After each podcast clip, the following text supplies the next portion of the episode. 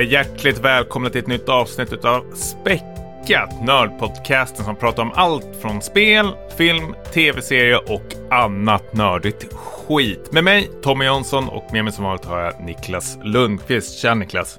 Tjena Tommy!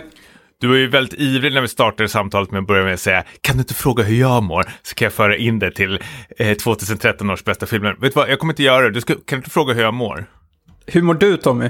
Äh, det är stressigt, det är mycket. Det är jobb, det är sjuka barn, det är, det är mycket som ska spelas nu och sånt. Nej, jag ska inte vara dryg. Hur mår du? Vad har du berättat? Du, du, jag ser att du bara hoppar här borta. Jag vet inte, det kan eh, bli en spännande diskussion eller så faller det bara platt och vi får klippa bort det. Men jag, jag, såg... jag hoppas att det faller platt och att vi inte klipper bort det. Så får lyssnarna ta del av hur kontextlöst det kan vara ibland. ja, eh, vi håller tummarna. Men jag tänkte att jag ska eh, kolla lite med dig här vad, vad, du, vad du kan. Eh, nej men, Quentin Tarantino var ju med i en podcast ganska nyligen. Mm -hmm och pratade om eh, att han tyckte att årtiondet som vi är i nu är det sämsta någonsin för film.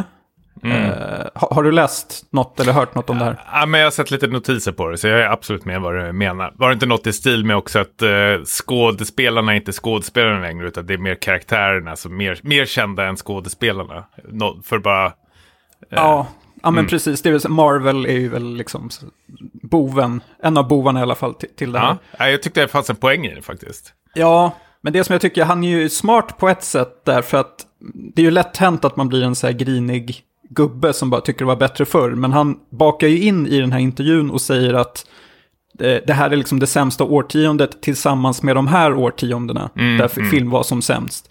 Varav det första var 50-talet. Oh. Och har du koll på vilket det andra var som han sa var det sämsta? Eh, var det 80-talet?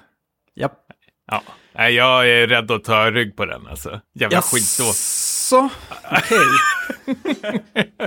ja, men vi, vi har väl eh, varit och petat lite eh, där. Alltså 80-talet är ju väldigt mycket...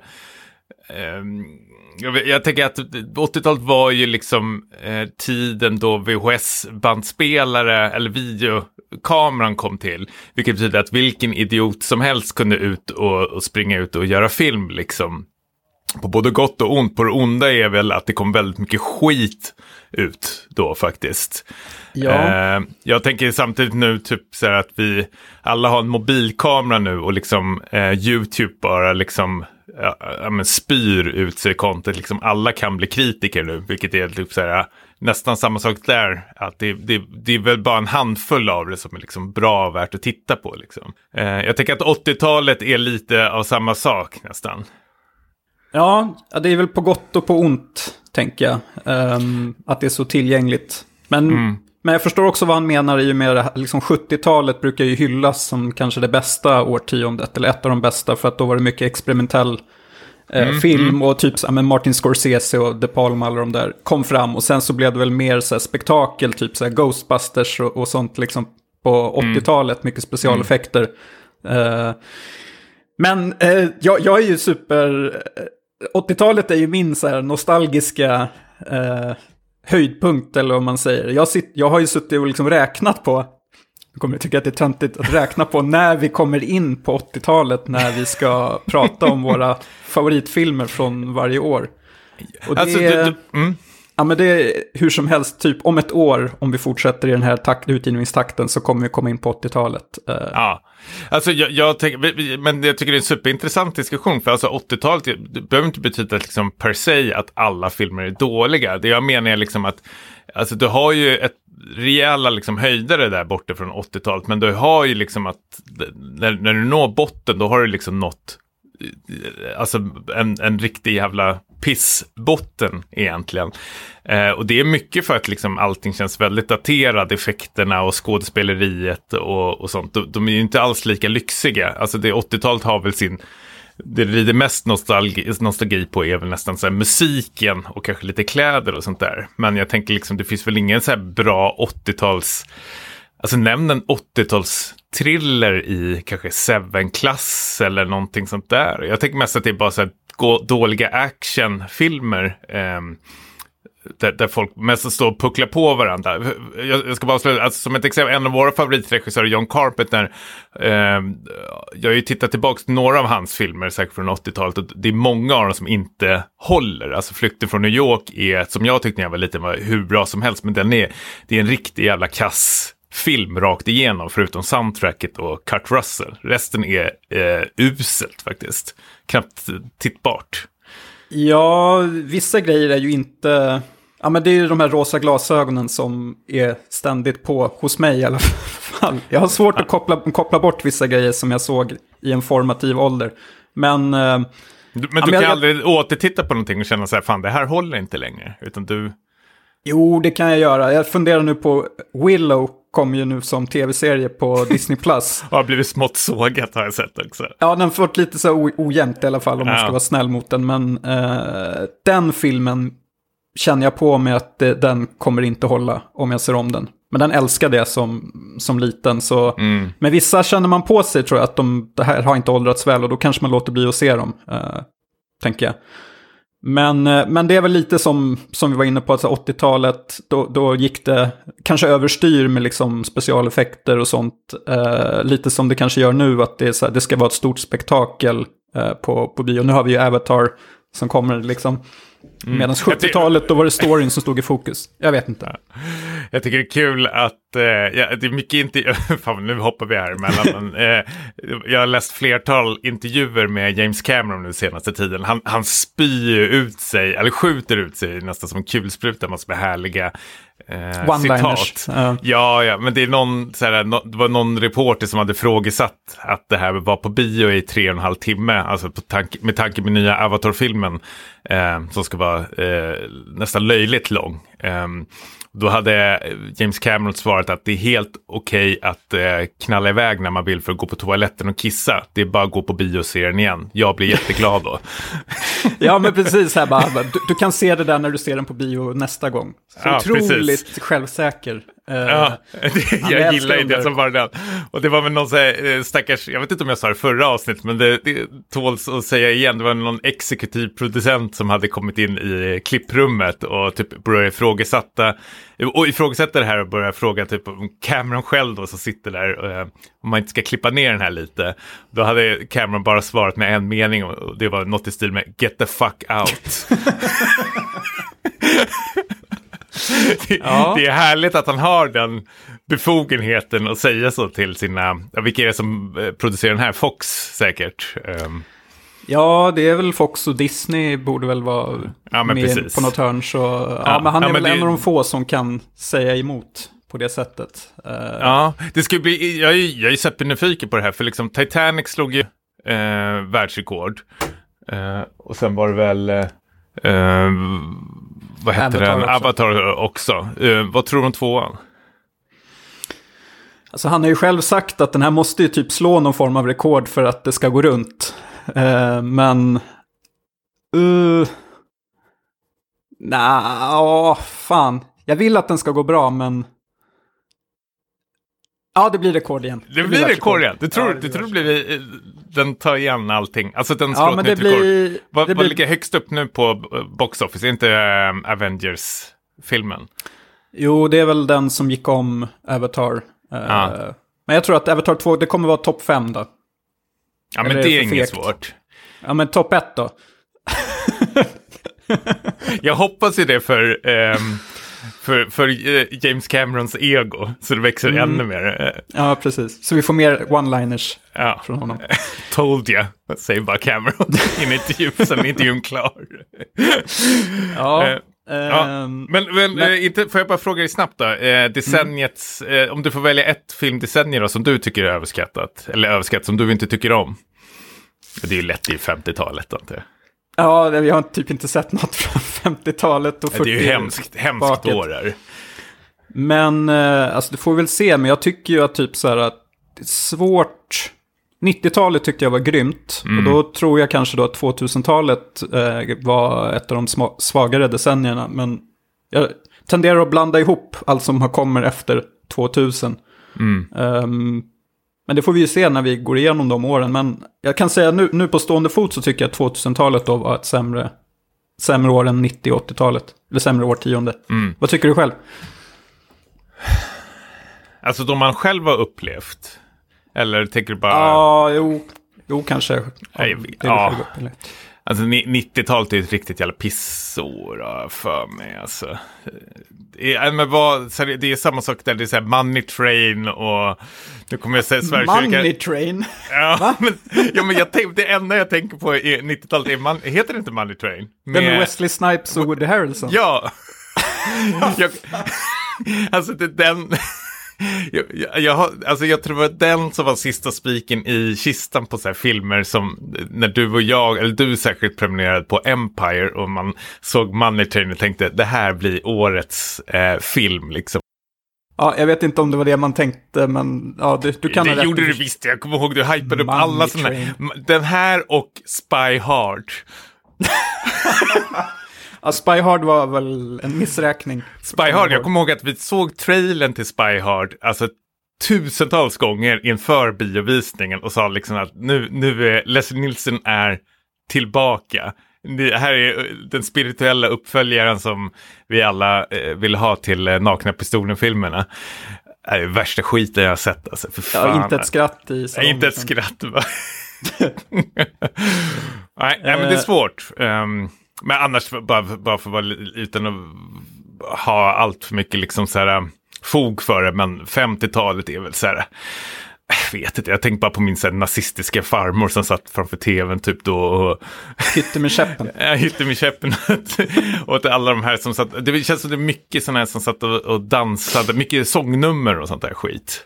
Som jag hatar. Ja, Hollywood. ja precis. Ja. Ja. Det, 50-talet kan vi nog eh, skippa när vi kommer till de här eh, årssammanfattningarna misstänker jag. Ja. Men ska vi gå in på då 2013? ja, men precis. Ehm, jag kan börja eftersom jag, jag har det uppe här. Ja, det har jag absolut inte jag. Men jag vet vad, ja, ja kör. Vore kul, vore, förlåt, men det vore kul om vi väljer samma film någon gång. Men jag tror, ja. Det kan ske, men jag tror inte det sker den här gången. Eh, jag har valt eh, Enemy av Denis Villeneuve. men det var typ en slantsingling mellan den och Prisoners som kom ut samma år. Jäkligt bra år för honom. Eh, Enemy påminner väl lite om nu när han gör så här stora sci-fi blockbusters. Att eh, han har ju den här liksom mer så här, smalare sidan av sig själv som man saknar lite ibland kanske när han gjorde lite så här thrillers som inte är så stor, har så stor budget men eh, spännande historier och Jake Gyllenhaal i huvudrollen här, gånger två, handlar om en... Eh, Jag har ett dåligt minne från Enemy. Okej. Eh, det, du och jag har, och några kompisar till oss har bokat biljetter till den här på Stockholms filmfestival. Men jag kan inte gå på grund av någon orsak, jag tror det är jobb, så jag är tvungen att skippa den. Och sen möter jag er samma kväll och ni säger att det är bland det bästa ni har sett på flera år. Jag aldrig, det har aldrig kokat så mycket i hela mitt liv, tror jag. ja. Ja. Att jag missade den filmupplevelsen. Ja, så jag fick gå och se den själv sen, långt efter. Ehm, men den är bra. Absolut. Vilken skulle du välja då? Eh, jag hade Prisoner på första plats. Eh, fan vad kul att vi båda valde en varsin eh, Denis Villeneuve-film. Det säger väl kanske rätt så mycket om eh, både han och, om och, oss två. och oss två. Sånt jävla Villeneuve-runkade. Han är ju mästaren. Alltså jag älskade Seven när den kom ut. Eh, alltså den här thrillerfilmen. Man, man, alltså Seven slog in dörrarna vad liksom en, en suspense-thriller kunde vara. Eh, och jag tycker, eh, sen efter det har man liksom suktat efter något liknande. Jag tycker verkligen Prisoners är där uppe, om inte bättre till och med, än, än Seven. Det är sånt otroligt eh, skådespelarinsats bland eh, Gyllenhaal, Hugh Jackman och eh, Paul Dano. Eh, det finns ju så här en badrumsscen när eh, Hugh Jackman slår sönder en, ett handfat som, är, jag vet inte, jag får bara gåshud, jag tänker Den är på det. stark. Ja, den är skitstark. Men det är ot- otroligt jävla bra eh, film är det faktiskt. Fan vad bra Ja. han är, vill.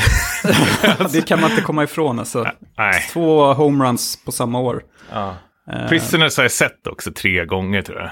Tre, fyra gånger. Den, Just. den blir bättre och bättre till och med. Ja, jag kan det är tänka mig det. med det. Jag är sugen på att se om den. Bra så typ höst, höstfilm, typ så här. Den är ju väldigt så här deppigt väder i den, har jag för mig. Ja, det regnar otroligt mycket. Och så här, mm. Jake Gyllenhaal sitter in och surar mycket i bilar. Nej, skitbra. Och jag gillar sånt där när det är eh, civila, eller vad man ska kalla det för, som tar liksom lagen i egna händer liksom för att liksom städa upp det som man tycker inte polisen gör så bra utav sig. Den här desperationen ja. efter att hitta sin... I den här filmen är det väl Hugh Jackman som letar efter sin försvunna dotter. Precis, som rör sig i sig gråzoner. Vad, vad, är tillåtet att göra själv för, för att liksom lösa brottet? Och mm. eh, ja, han, han blir väl ganska lite för insyltad i det där och gör tveksamma saker själv. Eh, mm. Kan man ja, men precis. Den är, den är bra sagt, den verkligen rör sig i så här gråzoner. Yes. Ska vi hoppa in på spelarsegment? Mm. Jo, men nu börjar det dra ihop sig. Uh, inte långt kvar på året och uh, vi ska ju sammanfatta det så småningom med våra favoriter uh, som vi har spelat. Och jag har ju en liten fråga till dig här, hur, hur du resonerar. För jag börjar ju känna en viss stress. liksom att hinna med allting. Jag har ju flera projekt eller spel igång eh, som jag inte har avslutat och det är många som jag vill spela. Um, hur, hur, tänker du? Försöker du liksom knyta ihop lösa trådar och spela det du har? Eller tänker du försöka testa så mycket som möjligt nu här innan så att du inte missar något? Ja, alltså för det första vill jag ju du har ju inga bortförklaringar, särskilt inte när du stöttar det här Qatar-VMet. Du följer varenda eh, fotbollsmatch helt slaviskt. Du, du, går runt och slår på ditt sossehjärta, men när det kommer till fotboll då, då är det vilket människoliv som helst som får köras över.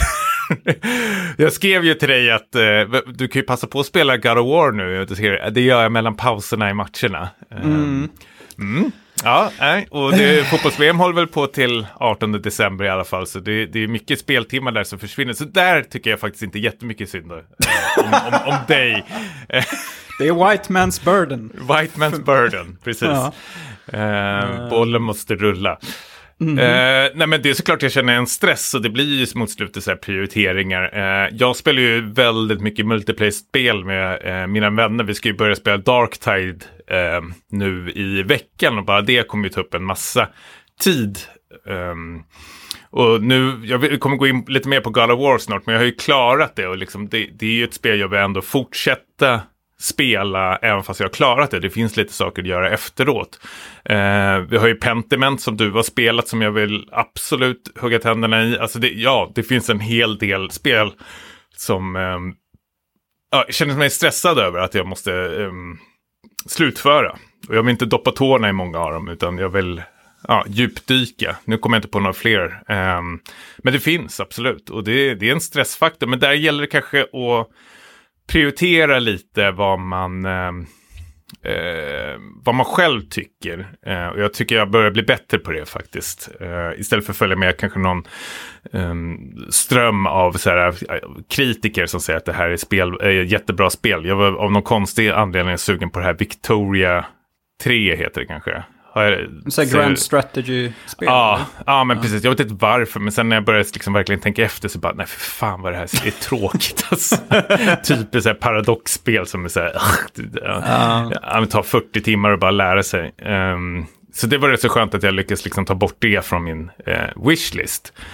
Um, ja, ja. Jag, känner, jag känner igen det. Um, jag känner att jag måste ju typ så här stry stryka några från min måste-lista. Bland annat mm. så har vi ju här Marvels Midnight Suns. Ah, som är så här mm. XCOM, Firaxis nya.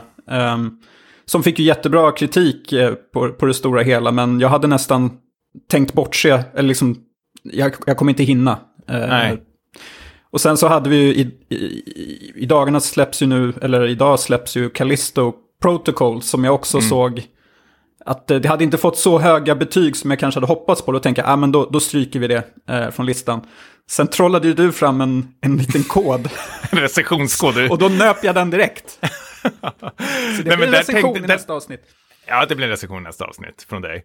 Ja. Och det här blir jättekul, för du säger ju samtidigt att du håller ju på att spela God of War nu och ska slutföra det. Eh, grejen är, jag, jag bara för, vi kan gå in lite sömlöst in på God of War eh, samtidigt, men jag har börjat liksom så här försöka liksom sortera ut spel som jag vet tar lite snabbare till sådana här stora AAA-titlar, God of War. För liksom, nu har jag klarat God of War och det tog kanske 37 timmar ish. Eh, och jag måste ju säga, det, det är ju årets liksom eh, pangspel. Eh, vi pratade om det lite förra avsnittet och vi var väl båda väldigt nöjda. Men jag säger, alltså det som är sjukt med det här spelet, det bara växer och växer och blir bättre och bättre. Jag tror att det var länge sedan, alltså förutom Elden Ring då, men de så pass olika spel så är ändå God of War en av de bästa spelen jag någonsin har spelat som verkligen håller en intressant pacing genom de här 37 timmarna och det är så otroligt sällsynt eh, i dagens läge tycker jag för sådana här spel. Oftast, alltså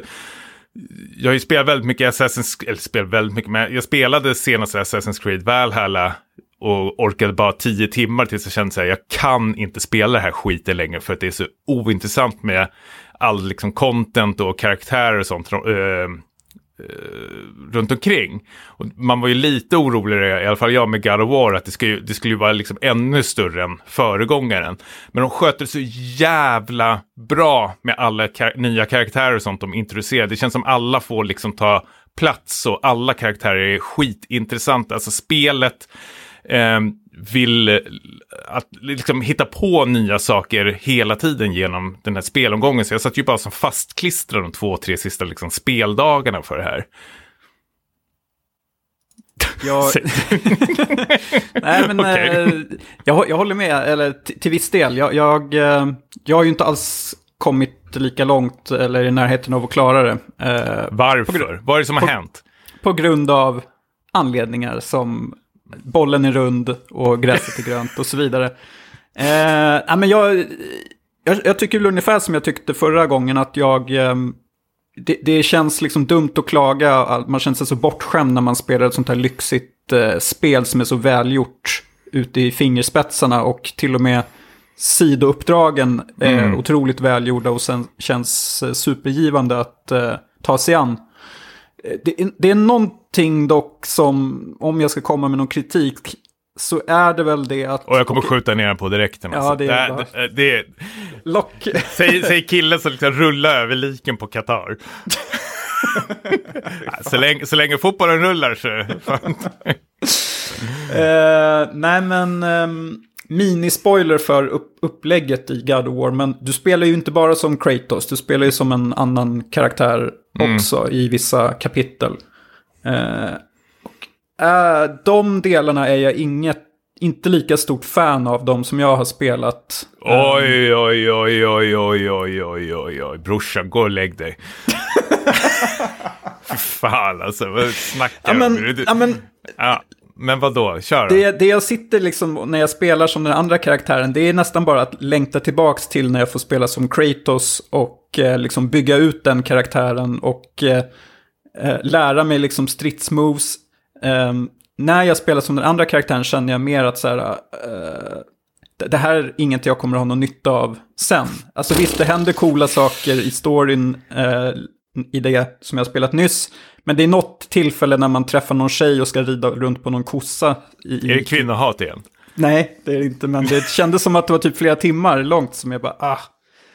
Det jag känner mig lite, alltså jag förstår att man vill eh, liksom bygga ut det här universumet och berätta en mer ambitiös story än förra spelet.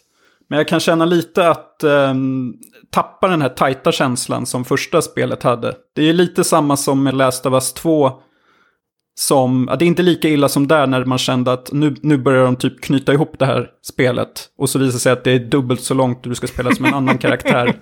I, spela om allting igen. Fast från en annan, Gud, annan perspektiv. Du ser ju inte lyssnaren, men riktigt så irriterad blick hade du.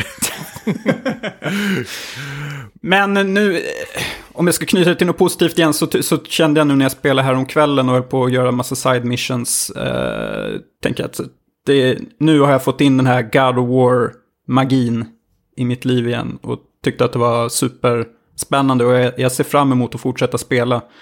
Du är inte värd att spela här hör jag på direkten. Alltså, jag, jag fattar inte. Nej, nej men nej, jo, men jag, jag, jag tycker... Du kände inte alls under de här andra partierna att nu, nu räcker det, nu vill jag hoppa tillbaka till Kratos och fortsätta main storyn. En tvärtom, jag tänkte så här, ge den här karaktären ett eget spel. Jag. Jo, jag, alltså jag var helt såld i den här nya movesen. Det kändes som liksom så här, nu, nu kan jag Kratos och liksom kan, kan liksom, jag inte bemästra helt, men liksom jag fattar hur han spelas. Okej, ska jag hålla på så här i liksom 30 timmar till? Och sen bara vänder spelet steken helt plötsligt och du liksom får en helt ny liksom, karaktär. Du kan liksom spela som. Alltså jag, jag, tyckte det var så här, äh, det gav en, det var, för mig var det en slags här, uppfriskning att det liksom gav en, en extra tändning i spel. Sen är ju det här segmentet, det håller jag förstås med om när man bara rider runt på någon slags stor åbäke liksom. Och, eh, men jag tycker ändå det är, på det sättet sköter de det snyggt, alltså för att ha en intressant dialog med två personer medan du ska spela. Så jag tänker på GTA-spelen och um, Red Dead Redemption där du bara här, ska rida i tio timmar och sen ska de ha så här lång dialog med en som ska följa någon karta. Så då tycker jag God of War har gjort det tusen gånger bättre och intressantare. Mm. Det sjukaste de har gjort i det här spelet är ändå kompassen. Har du tänkt på den? Nej. Alltså du har ju en kompass längst upp i, i skärmen med mm. väderstrecken och allting. Så har du ju att mm. du kan markera side mission och allting och då blir det som en liten plupp. Och den de här prickarna där uppe, de börjar liksom skaka och allting helt plötsligt om du kommer nära dem. Och jag tänkte säga att det var någon bugg, att det var något fel på det. Men det som är, även fast du, du ska åt norr säger vi hela tiden, så är det ju såklart lite hinder och sånt på vägen. Så rör sig helt plötsligt kompassen, den här pluppen, till öster helt plötsligt, även fast den ska till norr. Och det är ett sätt för spelet att berätta liksom hur du ska svänga liksom för att nu kommer det komma obstacle framför dig. Jag tycker det är så jävla genialiskt istället för som, ja men GTA brukar ju ha någon slags eh, uh, ja, men så här, vägmarkeringar och pilar på gatan och allting sånt där. Alltså det blir så här mycket plotter och skit, eller så här, vägmarkörer, att du kan liksom så här, få massor med prickar som liksom säger att den här vägen ska du ta. Så har de löst det på ett mycket mer eh, snyggare liksom, visuellt sätt utan att det liksom så här, stör eh, omgivningen. Och det är så jävla galet, jag bara, jag, jag bara exploderade i soffan. Alltså, de, de, de har ju knäckt koden nu, liksom. nästa steg. Det är så jävla grymt. Det har jag faktiskt inte tänkt på. Um, men jag ska definitivt ta det i, ha det i åtanke. Håll käften, vad du, du fick ingen gåshud. Alltså min, mina hår reser sig just nu när jag pratar om det. Jag tycker det är så genialt. Alltså den, den människan på eh, Santa Monica som kom på det, det, det är ju en race. Mm. Race i lönen, alltså. Det är bara, woof, måste gått upp. Stocks, bonkers. Ja, men jag är avundsjuk eh, dels att du har klarat det, men dels den här känslan du har att du funderar på att ta Platinum. Det måste ju vara den bästa, liksom att man bara, äh, men det här är så pass kul att jag, jag kan dröja mig kvar efter. Det finns saker att göra efteråt och jag är mer, och jag, alltså jag är medvetet de sista 15 timmarna så fokuserade jag på main storyn. För jag kände att jag, nu är jag så pass investerad i den att jag vill, jag vill bara se vad som händer härnäst. Liksom. Stakesen blir högre och högre och de spar ju inte alls på krutet liksom, de sista två timmarna. Mm. Um, och det, det, är ett helt otroligt avslut de får till det. Jag tycker det är skitsnyggt uh, jobbat och välskrivet. Alltså det var ju svårt att hålla tillbaka tårarna liksom, när man hade liksom tagit sig igenom uh, an det här monstret, eller vad man nu ska kalla det för. Uh, och sen känner jag på direkten att ah, nej, men det här vill jag fortsätta spela med nu och utforska fler liksom, hemligheter i den här världen. Nej, jag, jag är supernöjd. Det är, eh, jag gillar det första spelet, men det här är faktiskt mycket, mycket, mycket bättre tycker jag till och med. Mm. Eh, också. Um, wow. Ja, och det, på både på gott och dåligt sätt. För, förlåt, jag ska, sista sak. Det är ju, nackdelen med det här är ju att alla andra AAA-spel som kommer komma ut nu kommer ju blekna med det här spelet. Och därav, för att knyta tillbaka till Callisto Protocol, så kände jag Ah, jag vet inte. Alltså det kommer inte vara någon God of War. Du, du kan, han kan ta det här. han kan ta det här slafset. ja, men det ja. låter ju onekligen som de har gjort igen. Santa Monica. Mm. Men vi får väl se. får se vad då? Är det ditt ord som gäller i slutändan? Lyssnarna och jag ska säga vårt också. Mm. Lyssnarna hatar ju dig. Så de har väl mycket att säga. Får jag höra vad du har spelat? Du har spelat lite Pentiment. Jag är jättenyfiken på det här. För det, det är ett spel som jag verkligen vill spela inför Gotu. Du har, det är roligt att du har lagt mer energi på det här än på God of War också. Ja, men det är, det är ganska otroligt faktiskt att... Oh. Ja, men det här är ju liksom, eh, om jag ska dra någon klyscha så är ju det här är en bladvändare. Eh, man måste bara fortsätta. det handlar ju om, um, ja men det utspelar sig på 1500-talet i Bravaria, gamla, gamla Tyskland, eller vad man säger, nuvarande Tyskland. Där man spelar den här, eh, eh man är typ som praktikant på ett så här, kloster i en så här, bergsby. Mm. Um, där du ska färdigställa ett manuskript åt uh, det här klostret. Uh, så inträffar då ett mord uh, som du då börjar nysta i. Lite, ja, men lite så här, du är ju ingen detektiv eller någonting, men du, du blir nyfiken, lite besatt av det här caset. Så att du börjar liksom göra egna efterforskningar. Du, Hugh Jackman i Prisoner. Precis, trycker upp munkarna mot väggen och kräver svar. slå, slå sönder handfat. Ja. Eh, ja, men Pentiment är ju utvecklat av uh, Obsidian. Som, uh, de blev ju liksom någon form av le legendarer i liksom rollspelssvängen efter Fallout New Vegas. Uh, som är så otroligt hyllat RPG. och nu är de tillbaka med ett för dem ganska liksom så smalt projekt. som har en väldigt så här, unik visuell stil. Jag vet inte hur man ska beskriva den. Jag tycker den ser ut som typ så målningar. Du är duktig på sånt. Hur skulle du beskriva hur det ser ut? Duktig på sånt? Det är jag absolut inte. Men det är väl målningar hämtade från den epoken i alla fall. Pal mm. Palatylmålningar, vad fan kallas det för? Jag vet inte. Nej, jag vet inte. Det här är ju spännande det här spelet för mig för, som sov på historielektionerna. Att jag lär mig massa nytt. Uh, man märker ju att uh, men det är Josh... därför hatet mot God of War finns också. Precis. Ragnarbök, vad fan Ragnar är det? Bök, vad är det för något? ja. Dum, konstigt namn. Uh, ja, men det, den här uh, Josh Sawyer, som är väl huvudsakliga regissören och var med på Fallout New Vegas-tiden, är ju uppenbarligen otroligt intresserad av den här epoken. Uh, och det är så här...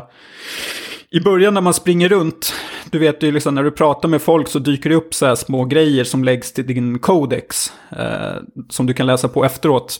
Och i början var jag nästan så här typ provocerad över hur mycket som fylls på i den här codexen med dels karaktärer, dels platser, dels liksom Oj, begrepp. Ja. begrepp.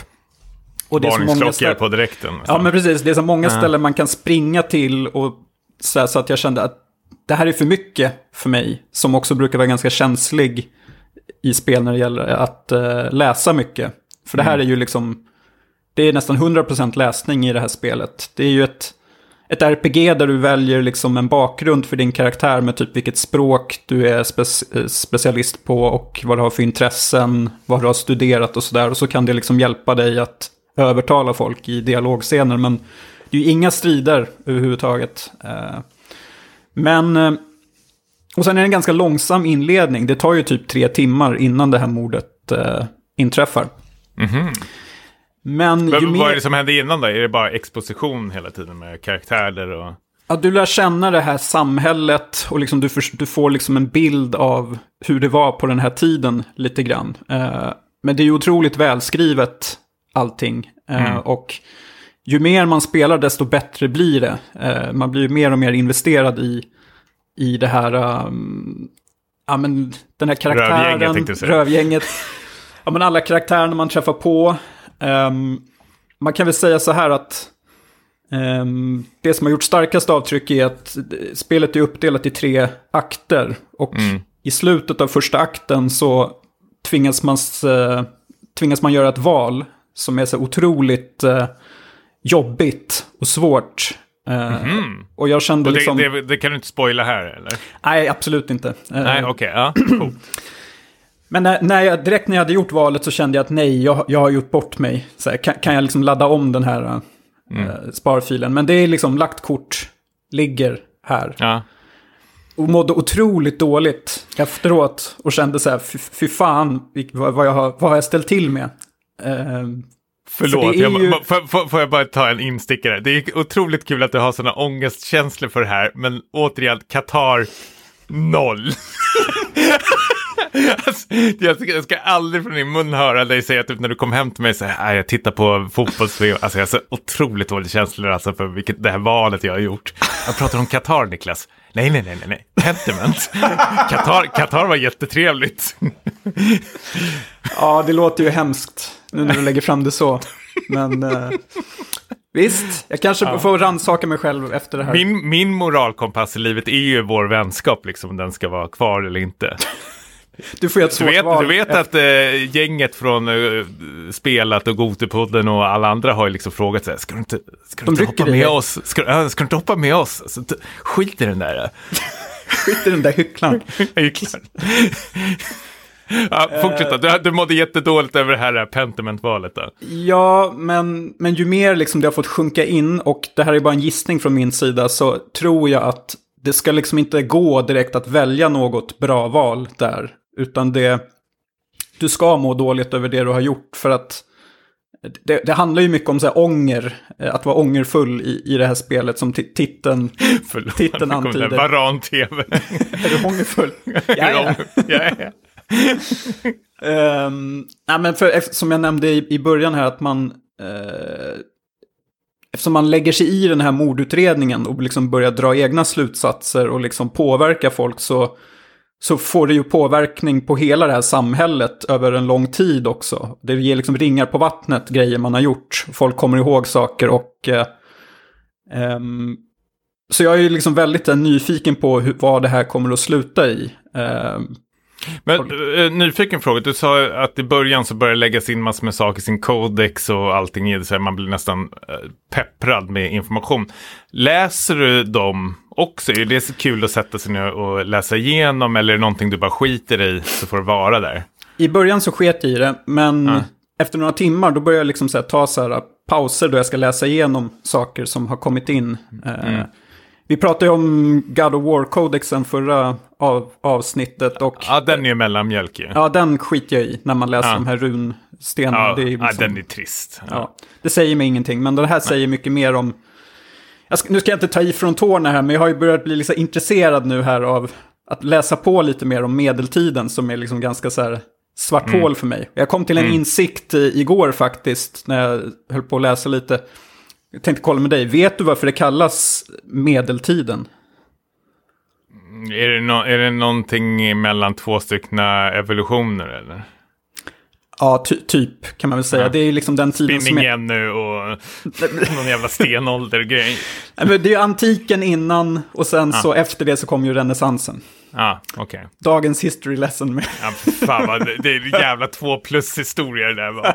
Ja, men jag Nej, men, jag, alltså, jag, är ju också superintresserad av den där tiden. Jag tycker, men, men jag, får jag bara sticka in, eller nu, Ja. Ehm, jag kom ju på mig själv eh, häromdagen när jag satt och spelade God of War att jag, och då började jag liksom söka på det på internet också, jag är ju jätteintresserad, jag har ju bara gått runt och lurat mig själv i hundratals år sedan som att jag är intresserad av sci-fi, men jag är, det är ju dark fantasy som jag verkligen eh, tokälskar, alltså som Elden Ring, alltså min favoritmanga och anime är ju liksom Berserk, där det här, det här råa och skitiga ifrån det här eh, 1500-talet. Ehm, vi var ju i Frankrike ehm, för något tag sedan, då fick man gå ner i en sån här um, tortyrkammare. Eh, Det här är ju svinhemskt ju, men då är det sån här, en tortyr var ju såna här stora klumpar de sätter på händerna på människorna, liksom cementerar fast dem nästan. Och så är det ett spjut de sätter upp mot analen, precis som liksom vibrerar mot analen. Och sen blir det liksom mer och mer tyngd i kroppen som liksom sjunker ner i, liksom med analen i det här spjutet liksom. För att, eh, ja jag vet inte. Man Jag blir tror- pålad liksom. Ja men precis, men att liksom, ja, kroppen gör det själv. Liksom. Det är samma sak, det var ju någon annan tortyr som är så jävla äcklig. Det gör de i Berserk också, men den fanns också på, såklart, de var ju dumma i huvudet på den här tiden. men att de, när de torterade människor så, liksom, så här, bände de upp käften så la de liksom glödheta kolbitar i munnen. alltså, det är så jävla äckligt. Alltså jag får sån panik när jag läser sånt här. Eh, för man lever sig in i det och det är så... Ja, allt, allt var inte bättre förr. Det- Nej, vad fan kallas de där jävla... ehm, Åh, gud, det är typiskt sånt vi gjorde i, eh, i Sverige.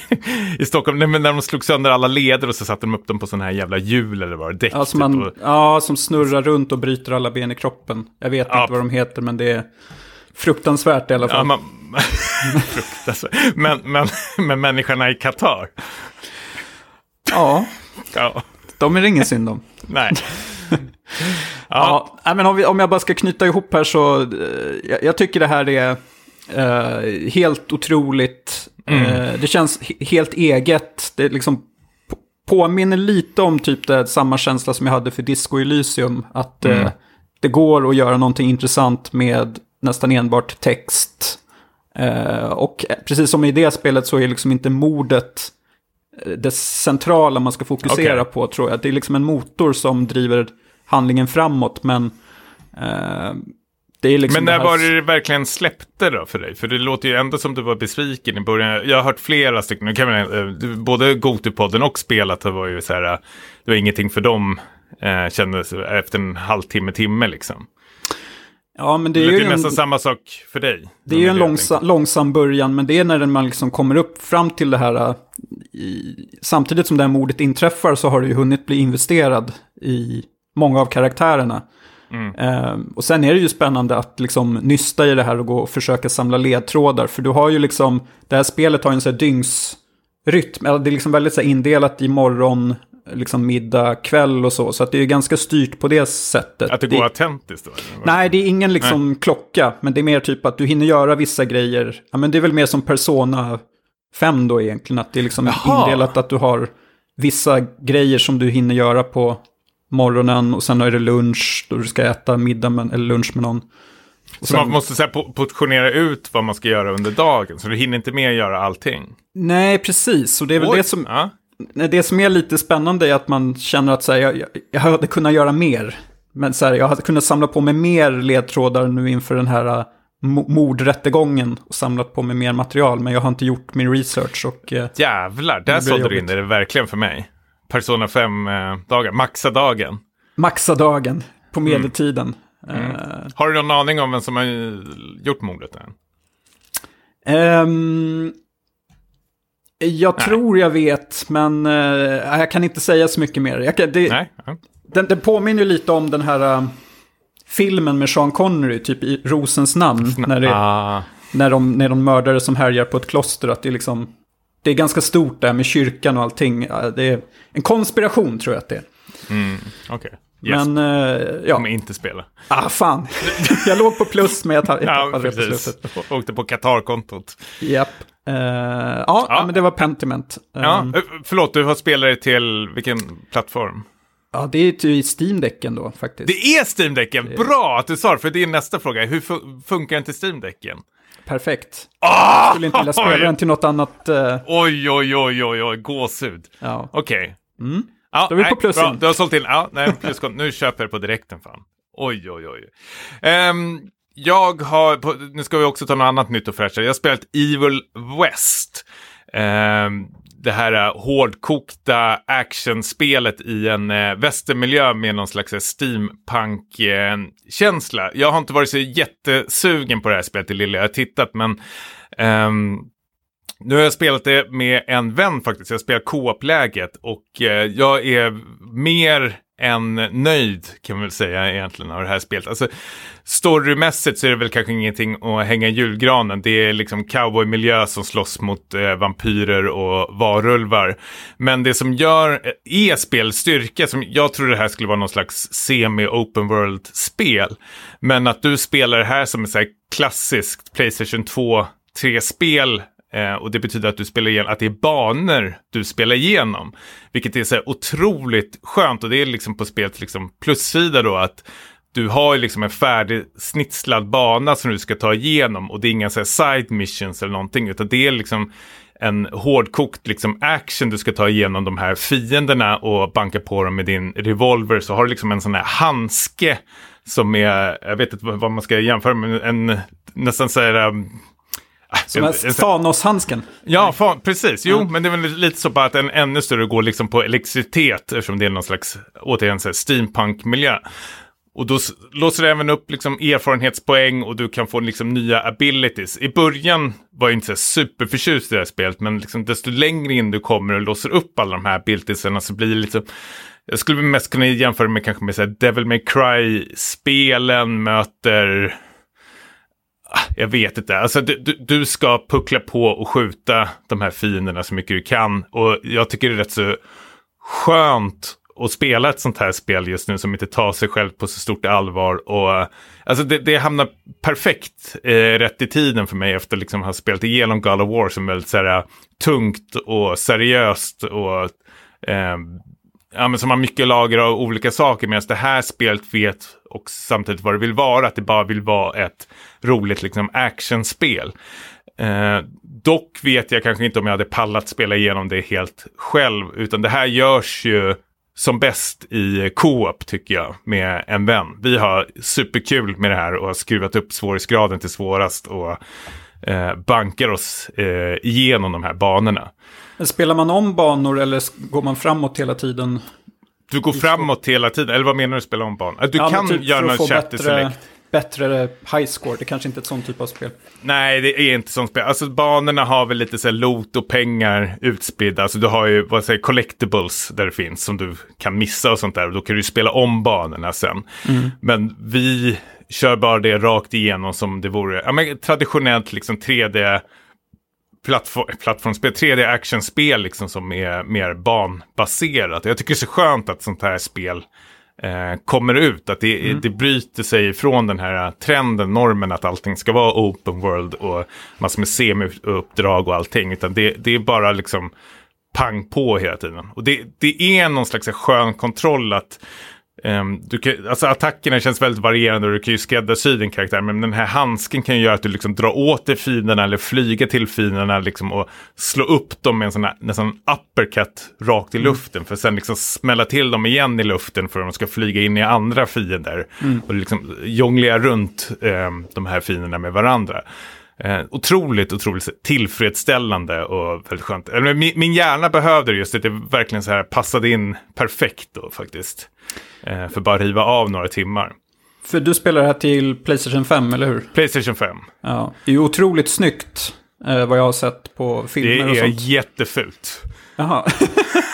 det såg väldigt mörkt ut dock. Men Nej, när man, när alltså, man jag gick i de här nästan- ljusa miljöerna tyckte jag det såg häftigt ut. Men, Jag tror de har kanske renderat eller någonting inför de här. Men det, är, det ser ut som ett gammalt så här, Playstation 3-4-spel. Det är inte jättefult kanske. Men det är så här konstig färgsättning ibland. I början är det så här, då är det någon här soluppgång man spelar i. Och det är verkligen så här tokrött överallt. Jag tror det var, jag var nära att kalibrera min eh, tv, färginställningar. Jag tyckte inte alls var skönt. Mörkt är verkligen mörkt. Alltså om du går in i ett hus så, och det inte kommer in något befintligt ljus så är det verkligen så här kolsvart. Vilket gör mig så här, "Ugh."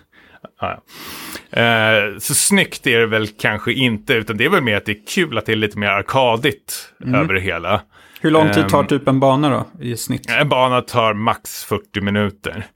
Och det är ju checkpoints på banan så du behöver inte spela dem ett svep heller. Utan du kan liksom stänga av mitt i banan så kan du liksom bara fortsätta ja, där du avslutar förut. Det är också så här skönt att man, man kan väl säga, men Gears of War är väl också kanske en bra jämförelse. Men när du har klarat en hård av fiender så får du liksom, fyller den på HP automatiskt till dig. Att liksom du får allting återinställt på din karaktär. Så du ska inte liksom hålla på och plocka upp massor med saker och leta health och allting sånt där. Utan spelet är väldigt snällt med så här, checkpoints och allting. Eh, inga ammos du ska plocka upp istället har du sån här, eh, att det är en loading time på revolven eller någonting. Så du, du ska Okej. inte hålla på och leta efter massor med items och sånt för att fylla på ammolådan. Utan det, allting är unlimited ammo. Du har istället ja, eh, en tid, en nedräkning. Skill countdown har du liksom.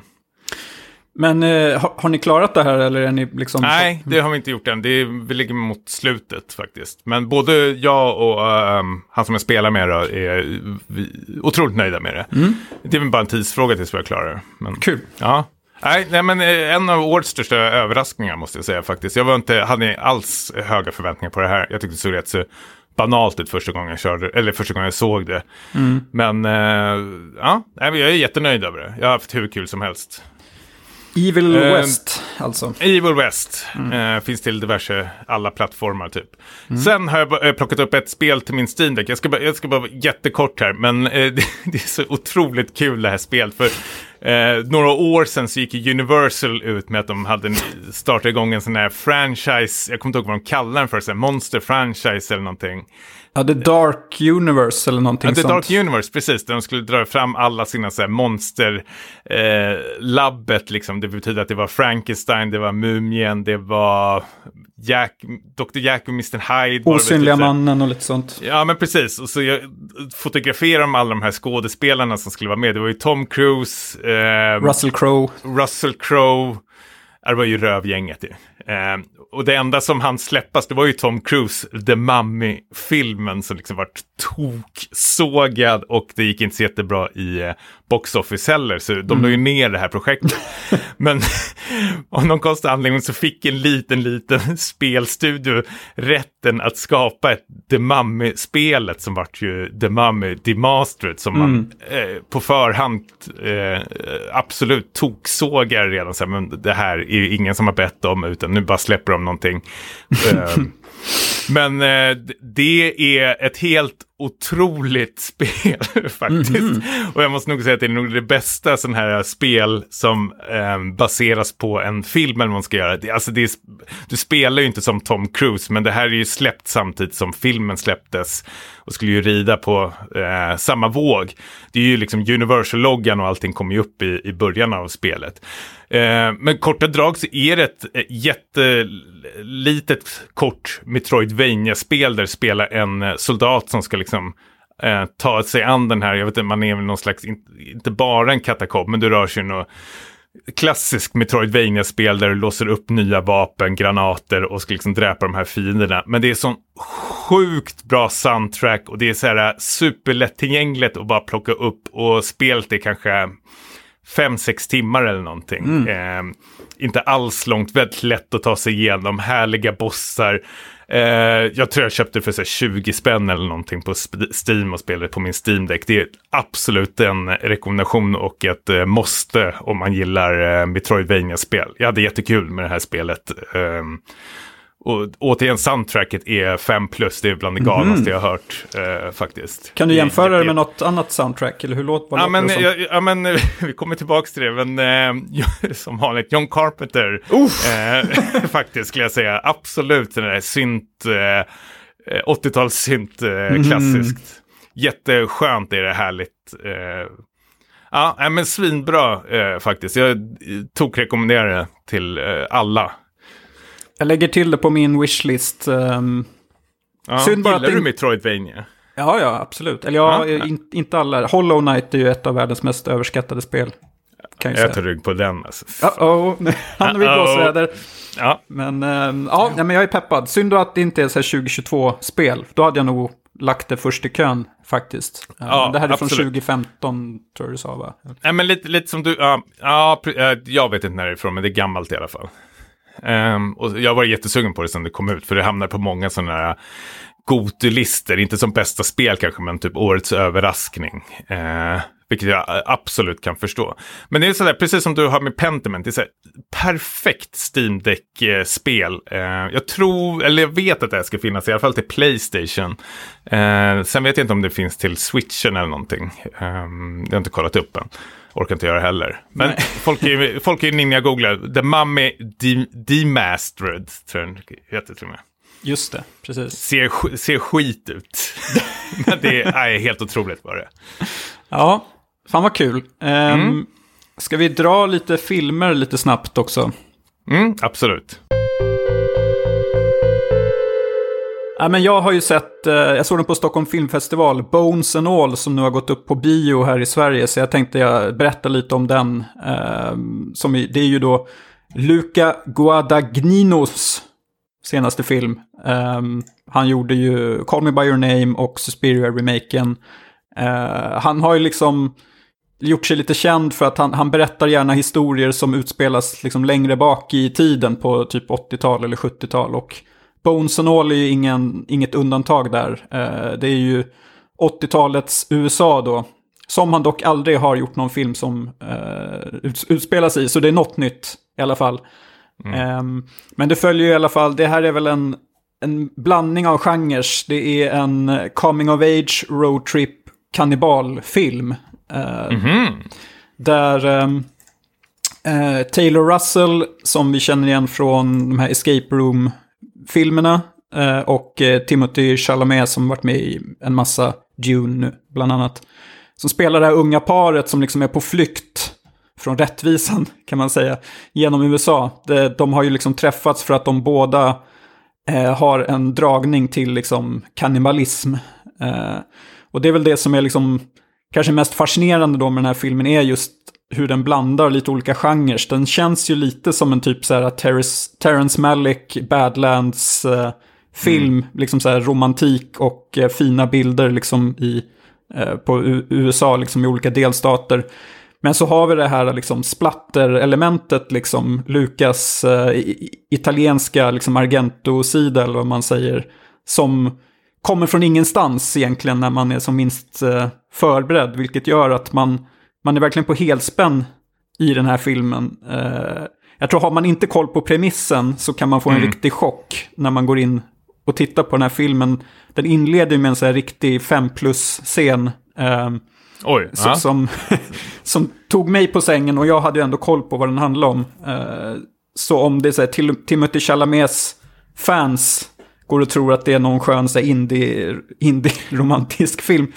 Så kan de nog Är det en rejäl jävla knullscen eller? Ja, det är, den är våldsam. Uh, Aha, det, okay. det, det, är chockvåld som inträffar i, i början. Uh, och mycket blodigt. Mm. Balt. Um, ja, men jag, jag, jag, älskar den här filmen. Jag tycker att det är hans uh, bästa hittills. den känns... Den, den, är fortfarande ganska så långsam i tempot mm. som hans tidigare filmer. Um, men jag gillar ju framförallt hur han skildrar 80-talets USA. Känns liksom um, ja, men mer genuint än de här typ så här, ja, men Stranger Things 80-talet, det här glättiga. Det, det här mm. är mer att om jag såg den här filmen, eh, eller jag skulle kunna luras av att den var gjord på 80-talet för att den, den passar verkligen hans stil. Eh, om du förstår vad jag menar. Mm. Eh, och Bra soundtrack, eh, Joy Division och New Order. Um. Pleasure Killer, ja. ja. Men, uh, coolt. Ja, men jag, den här vill jag verkligen se. Du sålde in den uh, rejält. Jag var inte jättesugen uh, på den av bara det lilla jag sett faktiskt av någon konstig anledning. Fördomsfullt här kanske, men för jag har inte sett någon trailer. Jag, jag har inte ens koll på handlingen. Jag visste bara att han släppte en ny film. Men jag kände att det här såg ut som mer en vanlig liksom, amerikansk indie Eh, men det verkar vara mycket mer än så faktiskt. Så, ja, det, det, den är ju liksom... Ja, se, se, ingen trailer innan. Det är nej, mitt nej, tips. det brukar jag inte göra heller. Men eh, ibland blir det ju att man eh, ser någonting, teaser-trailer, när man är på bio. Ja. Eh, eller så är de så dig, bara duckar. Vad gör du? Du brukar ta huvudet mellan benen, sen ligger du och skriker. Håller för öronen och ja, nynnar någon ramsa eller någonting för att inte höra. Ja, men det är jättemånga som brukar skämmas när de är på bio med dig. Det är lätt hänt, men det är, ja. är så, så det är. Nej, men ja. den här är, det är en stark rekommendation. Um, den, um, det, framförallt den här världen som de skildrar med de här liksom som kannibalism nästan som en här, subkultur är, är mm. liksom spännande. Men om du kommer ihåg den här Near Dark, den här vampyrfilmen av Catherine Bigelow. Med Bill Paxton och uh, när de är vampyrer som, som är på roadtrip. Jag tror inte jag har sett den. Aha. Det var liksom lite den känslan jag fick av den här filmen, fast... Um, ehm, okay, uh. uh, många, uh, många bra färgstarka biroller också som uh, kunde fått ännu mer plats, men å andra sidan så då hade filmen blivit längre och det hade jag inte velat heller, så jag tycker den var uh, bra som mm. den var. Coolt. Så det var Bone, Bones and All som går på bio nu. Mm. Vad har vi sett mer då? Ja, du, du har sett The Sadness som jag är jättenyfiken på att höra. Ja, men det är ju den här ta taiwanesiska filmen som är en liten twist på zombiegenren. Att vi får följa ett uh, ungt par som uh, är liksom i, i den här storstaden där det är något form av utbrott. Virusutbrott då. Men istället för zombies så blir ju människorna som smittas så här, depraverade. Som de beskriver det. Och blir liksom så här helt sextokiga och våldsamma. Och liksom mm. begår övergrepp på folk och, och döda dem i princip. Um, och då får vi liksom följa hur de på varsitt håll försöker att liksom fly undan det här och, eh, uh, och hitta tillbaks till varandra. Eh, uh, det var ju du som propsade på att vi skulle se den här. Vad, vad visste du innan om, om hela premissen? Nej, ingenting faktiskt. Jag tror det var en, eh, en zombiefilm. Sen eh, läste man väl lite recensioner när den hade kommit ut, eller hyllningar eh, mer, att det här var en, en fräsch eh, take på det. Det var väldigt många som tyckte om den, särskilt liksom folk som jag följer som gillar lite mer gore-genren. Eh, ja, men folk som kanske gillar Terrifier 2 och sånt där, som jag älskar jättemycket. Eh, och jag jag hade inte alls några höga förväntningar på den här och jag, det var rätt så skönt faktiskt. För jag älskar den här filmen väldigt mycket. Den tappar väl kanske lite i eh, tredje akten när den ska försöka förklara. Men jag gillar ändå den här eh, take, man får väl ändå säga på visst sätt att det är någon slags eh, pandemi-zombie-taken då. eh, som de har gjort om att, precis som du sa, att folk blir nästan så här, eller de blir ju sexgalningar nästan. och... Um, eh, ja, men våldtar folk. De har ju inga, inga hinder för hjärnan. Eh, mm. liksom, eh, några så moraliska eh, kompasser eller någonting. Utan de kör bara rakt på de här ut, ut, som är utsatta av det här viruset. Och liksom torterar nästan eh, vanliga människor ihjäl dem. Det finns en så här, tunnelbanescen som jag fick nästan så här klaustrofobisk. Eh, jag tyckte den var jättejobbig när det är någon som bara går löper amok liksom i tåget med en kniv och börjar hugga en massa människor. Mm. Eh, och, och, man, jag, vet, jag tyckte de lyckades fånga det verkligen, att man kunde sätta sig in i vissa scenarier eh, och få den där skräckpaniken, liksom, om man själv skulle vara i tåg som var i, i rullning medan det var en liksom, psykopat som gick runt med en kniv och började hugga folk där. Um, jag tycker många av de här zombiesarna är, de har ju liksom tagit bort sminket ifrån dem, man ska säga. Istället har de ett sådär väldigt obehagligt grin, eh, leende ansikte som, eh, jag vet inte, som får kanske smile-ansiktet mm. och blekna. Jag tyckte det var så här eh, otroligt häftiga eh, och obehagliga scener faktiskt, de lyckas fånga upp ibland. Eh, så jag, jag, tyckte om den här jättemycket faktiskt, förutom kanske ja, men tredje akten kände jag väl att den då gick den lite på tomgång och säkert när den skulle sitta och förklara allting mm. och försöka hitta en lösning. Jag var inte så jätteintresserad av det, utan jag var mer intresserad av de här två huvudkaraktärerna och deras liksom, eh, vad ska man säga, liksom rush genom det här galna samhället eh, som händer runt omkring dem. Ja, det känns väl som att den vill, filmen vill väl säga någonting om så här, ett sexualiserat samhälle. Eh, mm. Typ antagonisten, han är väl någon vanlig så här, snusgubbe på tunnelbanan som söker kontakt med huvudpersonen. Mm. Uh, men när han blir liksom smittad, då, liksom, då förhöjs den personligheten. Uh, liksom mm. så, här, mm. så att han blir helt gränslös. Och det är mm. väl någon annan karaktär som är en av de snälla då inom, inom citationstecken som har liksom någon så här naken anime-figur på på någon hentai-figur på mobilskärmen eller någonting så här. För att visa typ så här, ja men det, det finns runt omkring oss och så här kan det gå när eh, mm. det spårar ut totalt. Precis. Eh, så sånt uppskattar man ju att man försöker liksom lägga in lite samhällskritik. Eh, och sen så fanns det ju vissa scener som kändes som så blinkningar till typ George A. Romero, typ så Day of the Dead. Eh, någon riktigt blodig scen. Och så var väl typ mm. the, the, Fly såg jag också. Så att eh, jag tror det är jättehärliga um, praktiska effekter i den här filmen tyckte jag. Alltså ansikten som slits sönder. Så, jag tycker sånt, alltså, det låter mig själv som en jävla psykopat, men jag tycker det är... Jag vet inte, jag, pulsen går igång då. Jag, ty jag tycker det är kul att, att, titta bort och äcklas när man tittar på film. Då har man lyckats liksom uh, ändå. Har du sett Train to Busan? Jag har fortfarande inte gjort det. Det är en av, det är en av de filmerna jag har på min eh, skämshög nästan högst upp. Aha. För det var väl den som jag fick mest vibbar av. Alltså om du fick ja. klaustrofobi på tunnelbanetåget så är ju den filmen om, utspelas helt på ett tåg. Mm. Och där blir det ju jobbigt att ha zombies. Ja, jag har en sån där film som jag är väldigt grinig över, eh, som jag och min fru skulle se den tillsammans, men sen såg hon den utan mig. Och då har jag bara, hon, Gud, nu låter världens största barnrumpa här. men då har hon sagt, men jag kan se om den, jag kan se den med dig. Och då har jag sagt nej men nej, du det får vara. Nu, nu får det vara. Jag ser den någon annan gång med mina kompisar. Nu har ju alla sett den förutom jag. så, tji fick jag, största ja. bebisen här. Mm -hmm. Men, äh, ja, men jag, jag, är positivt överraskad. Alltså om man gillar de här typen av skräck, eh, zombiefilmerna. Sen tycker jag fan Taiwan, alltså senaste tiden, det känns som de är något på spåret, blir större och större. Mm. Eh, kanske kommer någon slags eh, taiwanesisk våg, jag hoppas nästan det. Ja, det vore um, spännande. Ja, det beror på hur klart. Kina beter sig mot dem nu, men ja. Ja, det får vi se. ja. eh, du har en sista film som du vill eh, ta upp här.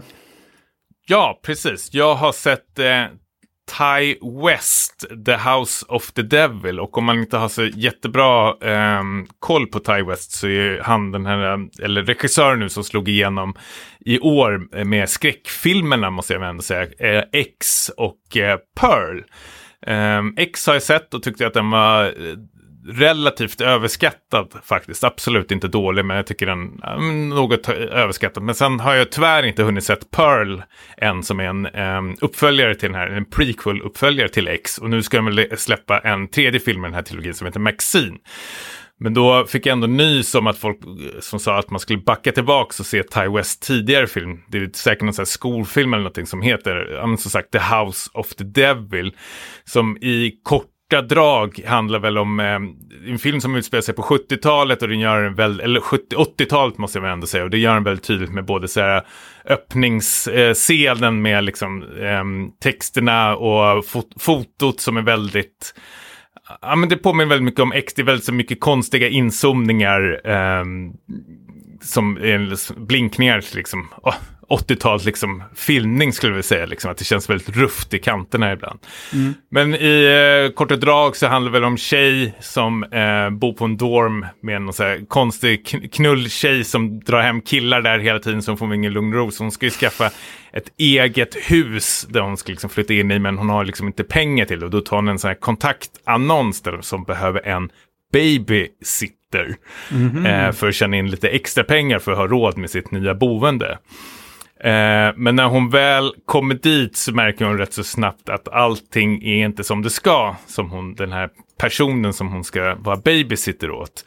Eh, men efter mycket om och men så lyckas den här, de här två föräldrarna tvinga på henne med en rejäl summa pengar. Att om du stannar kvar här så får du, ja men vad är det, 4 000 dollar.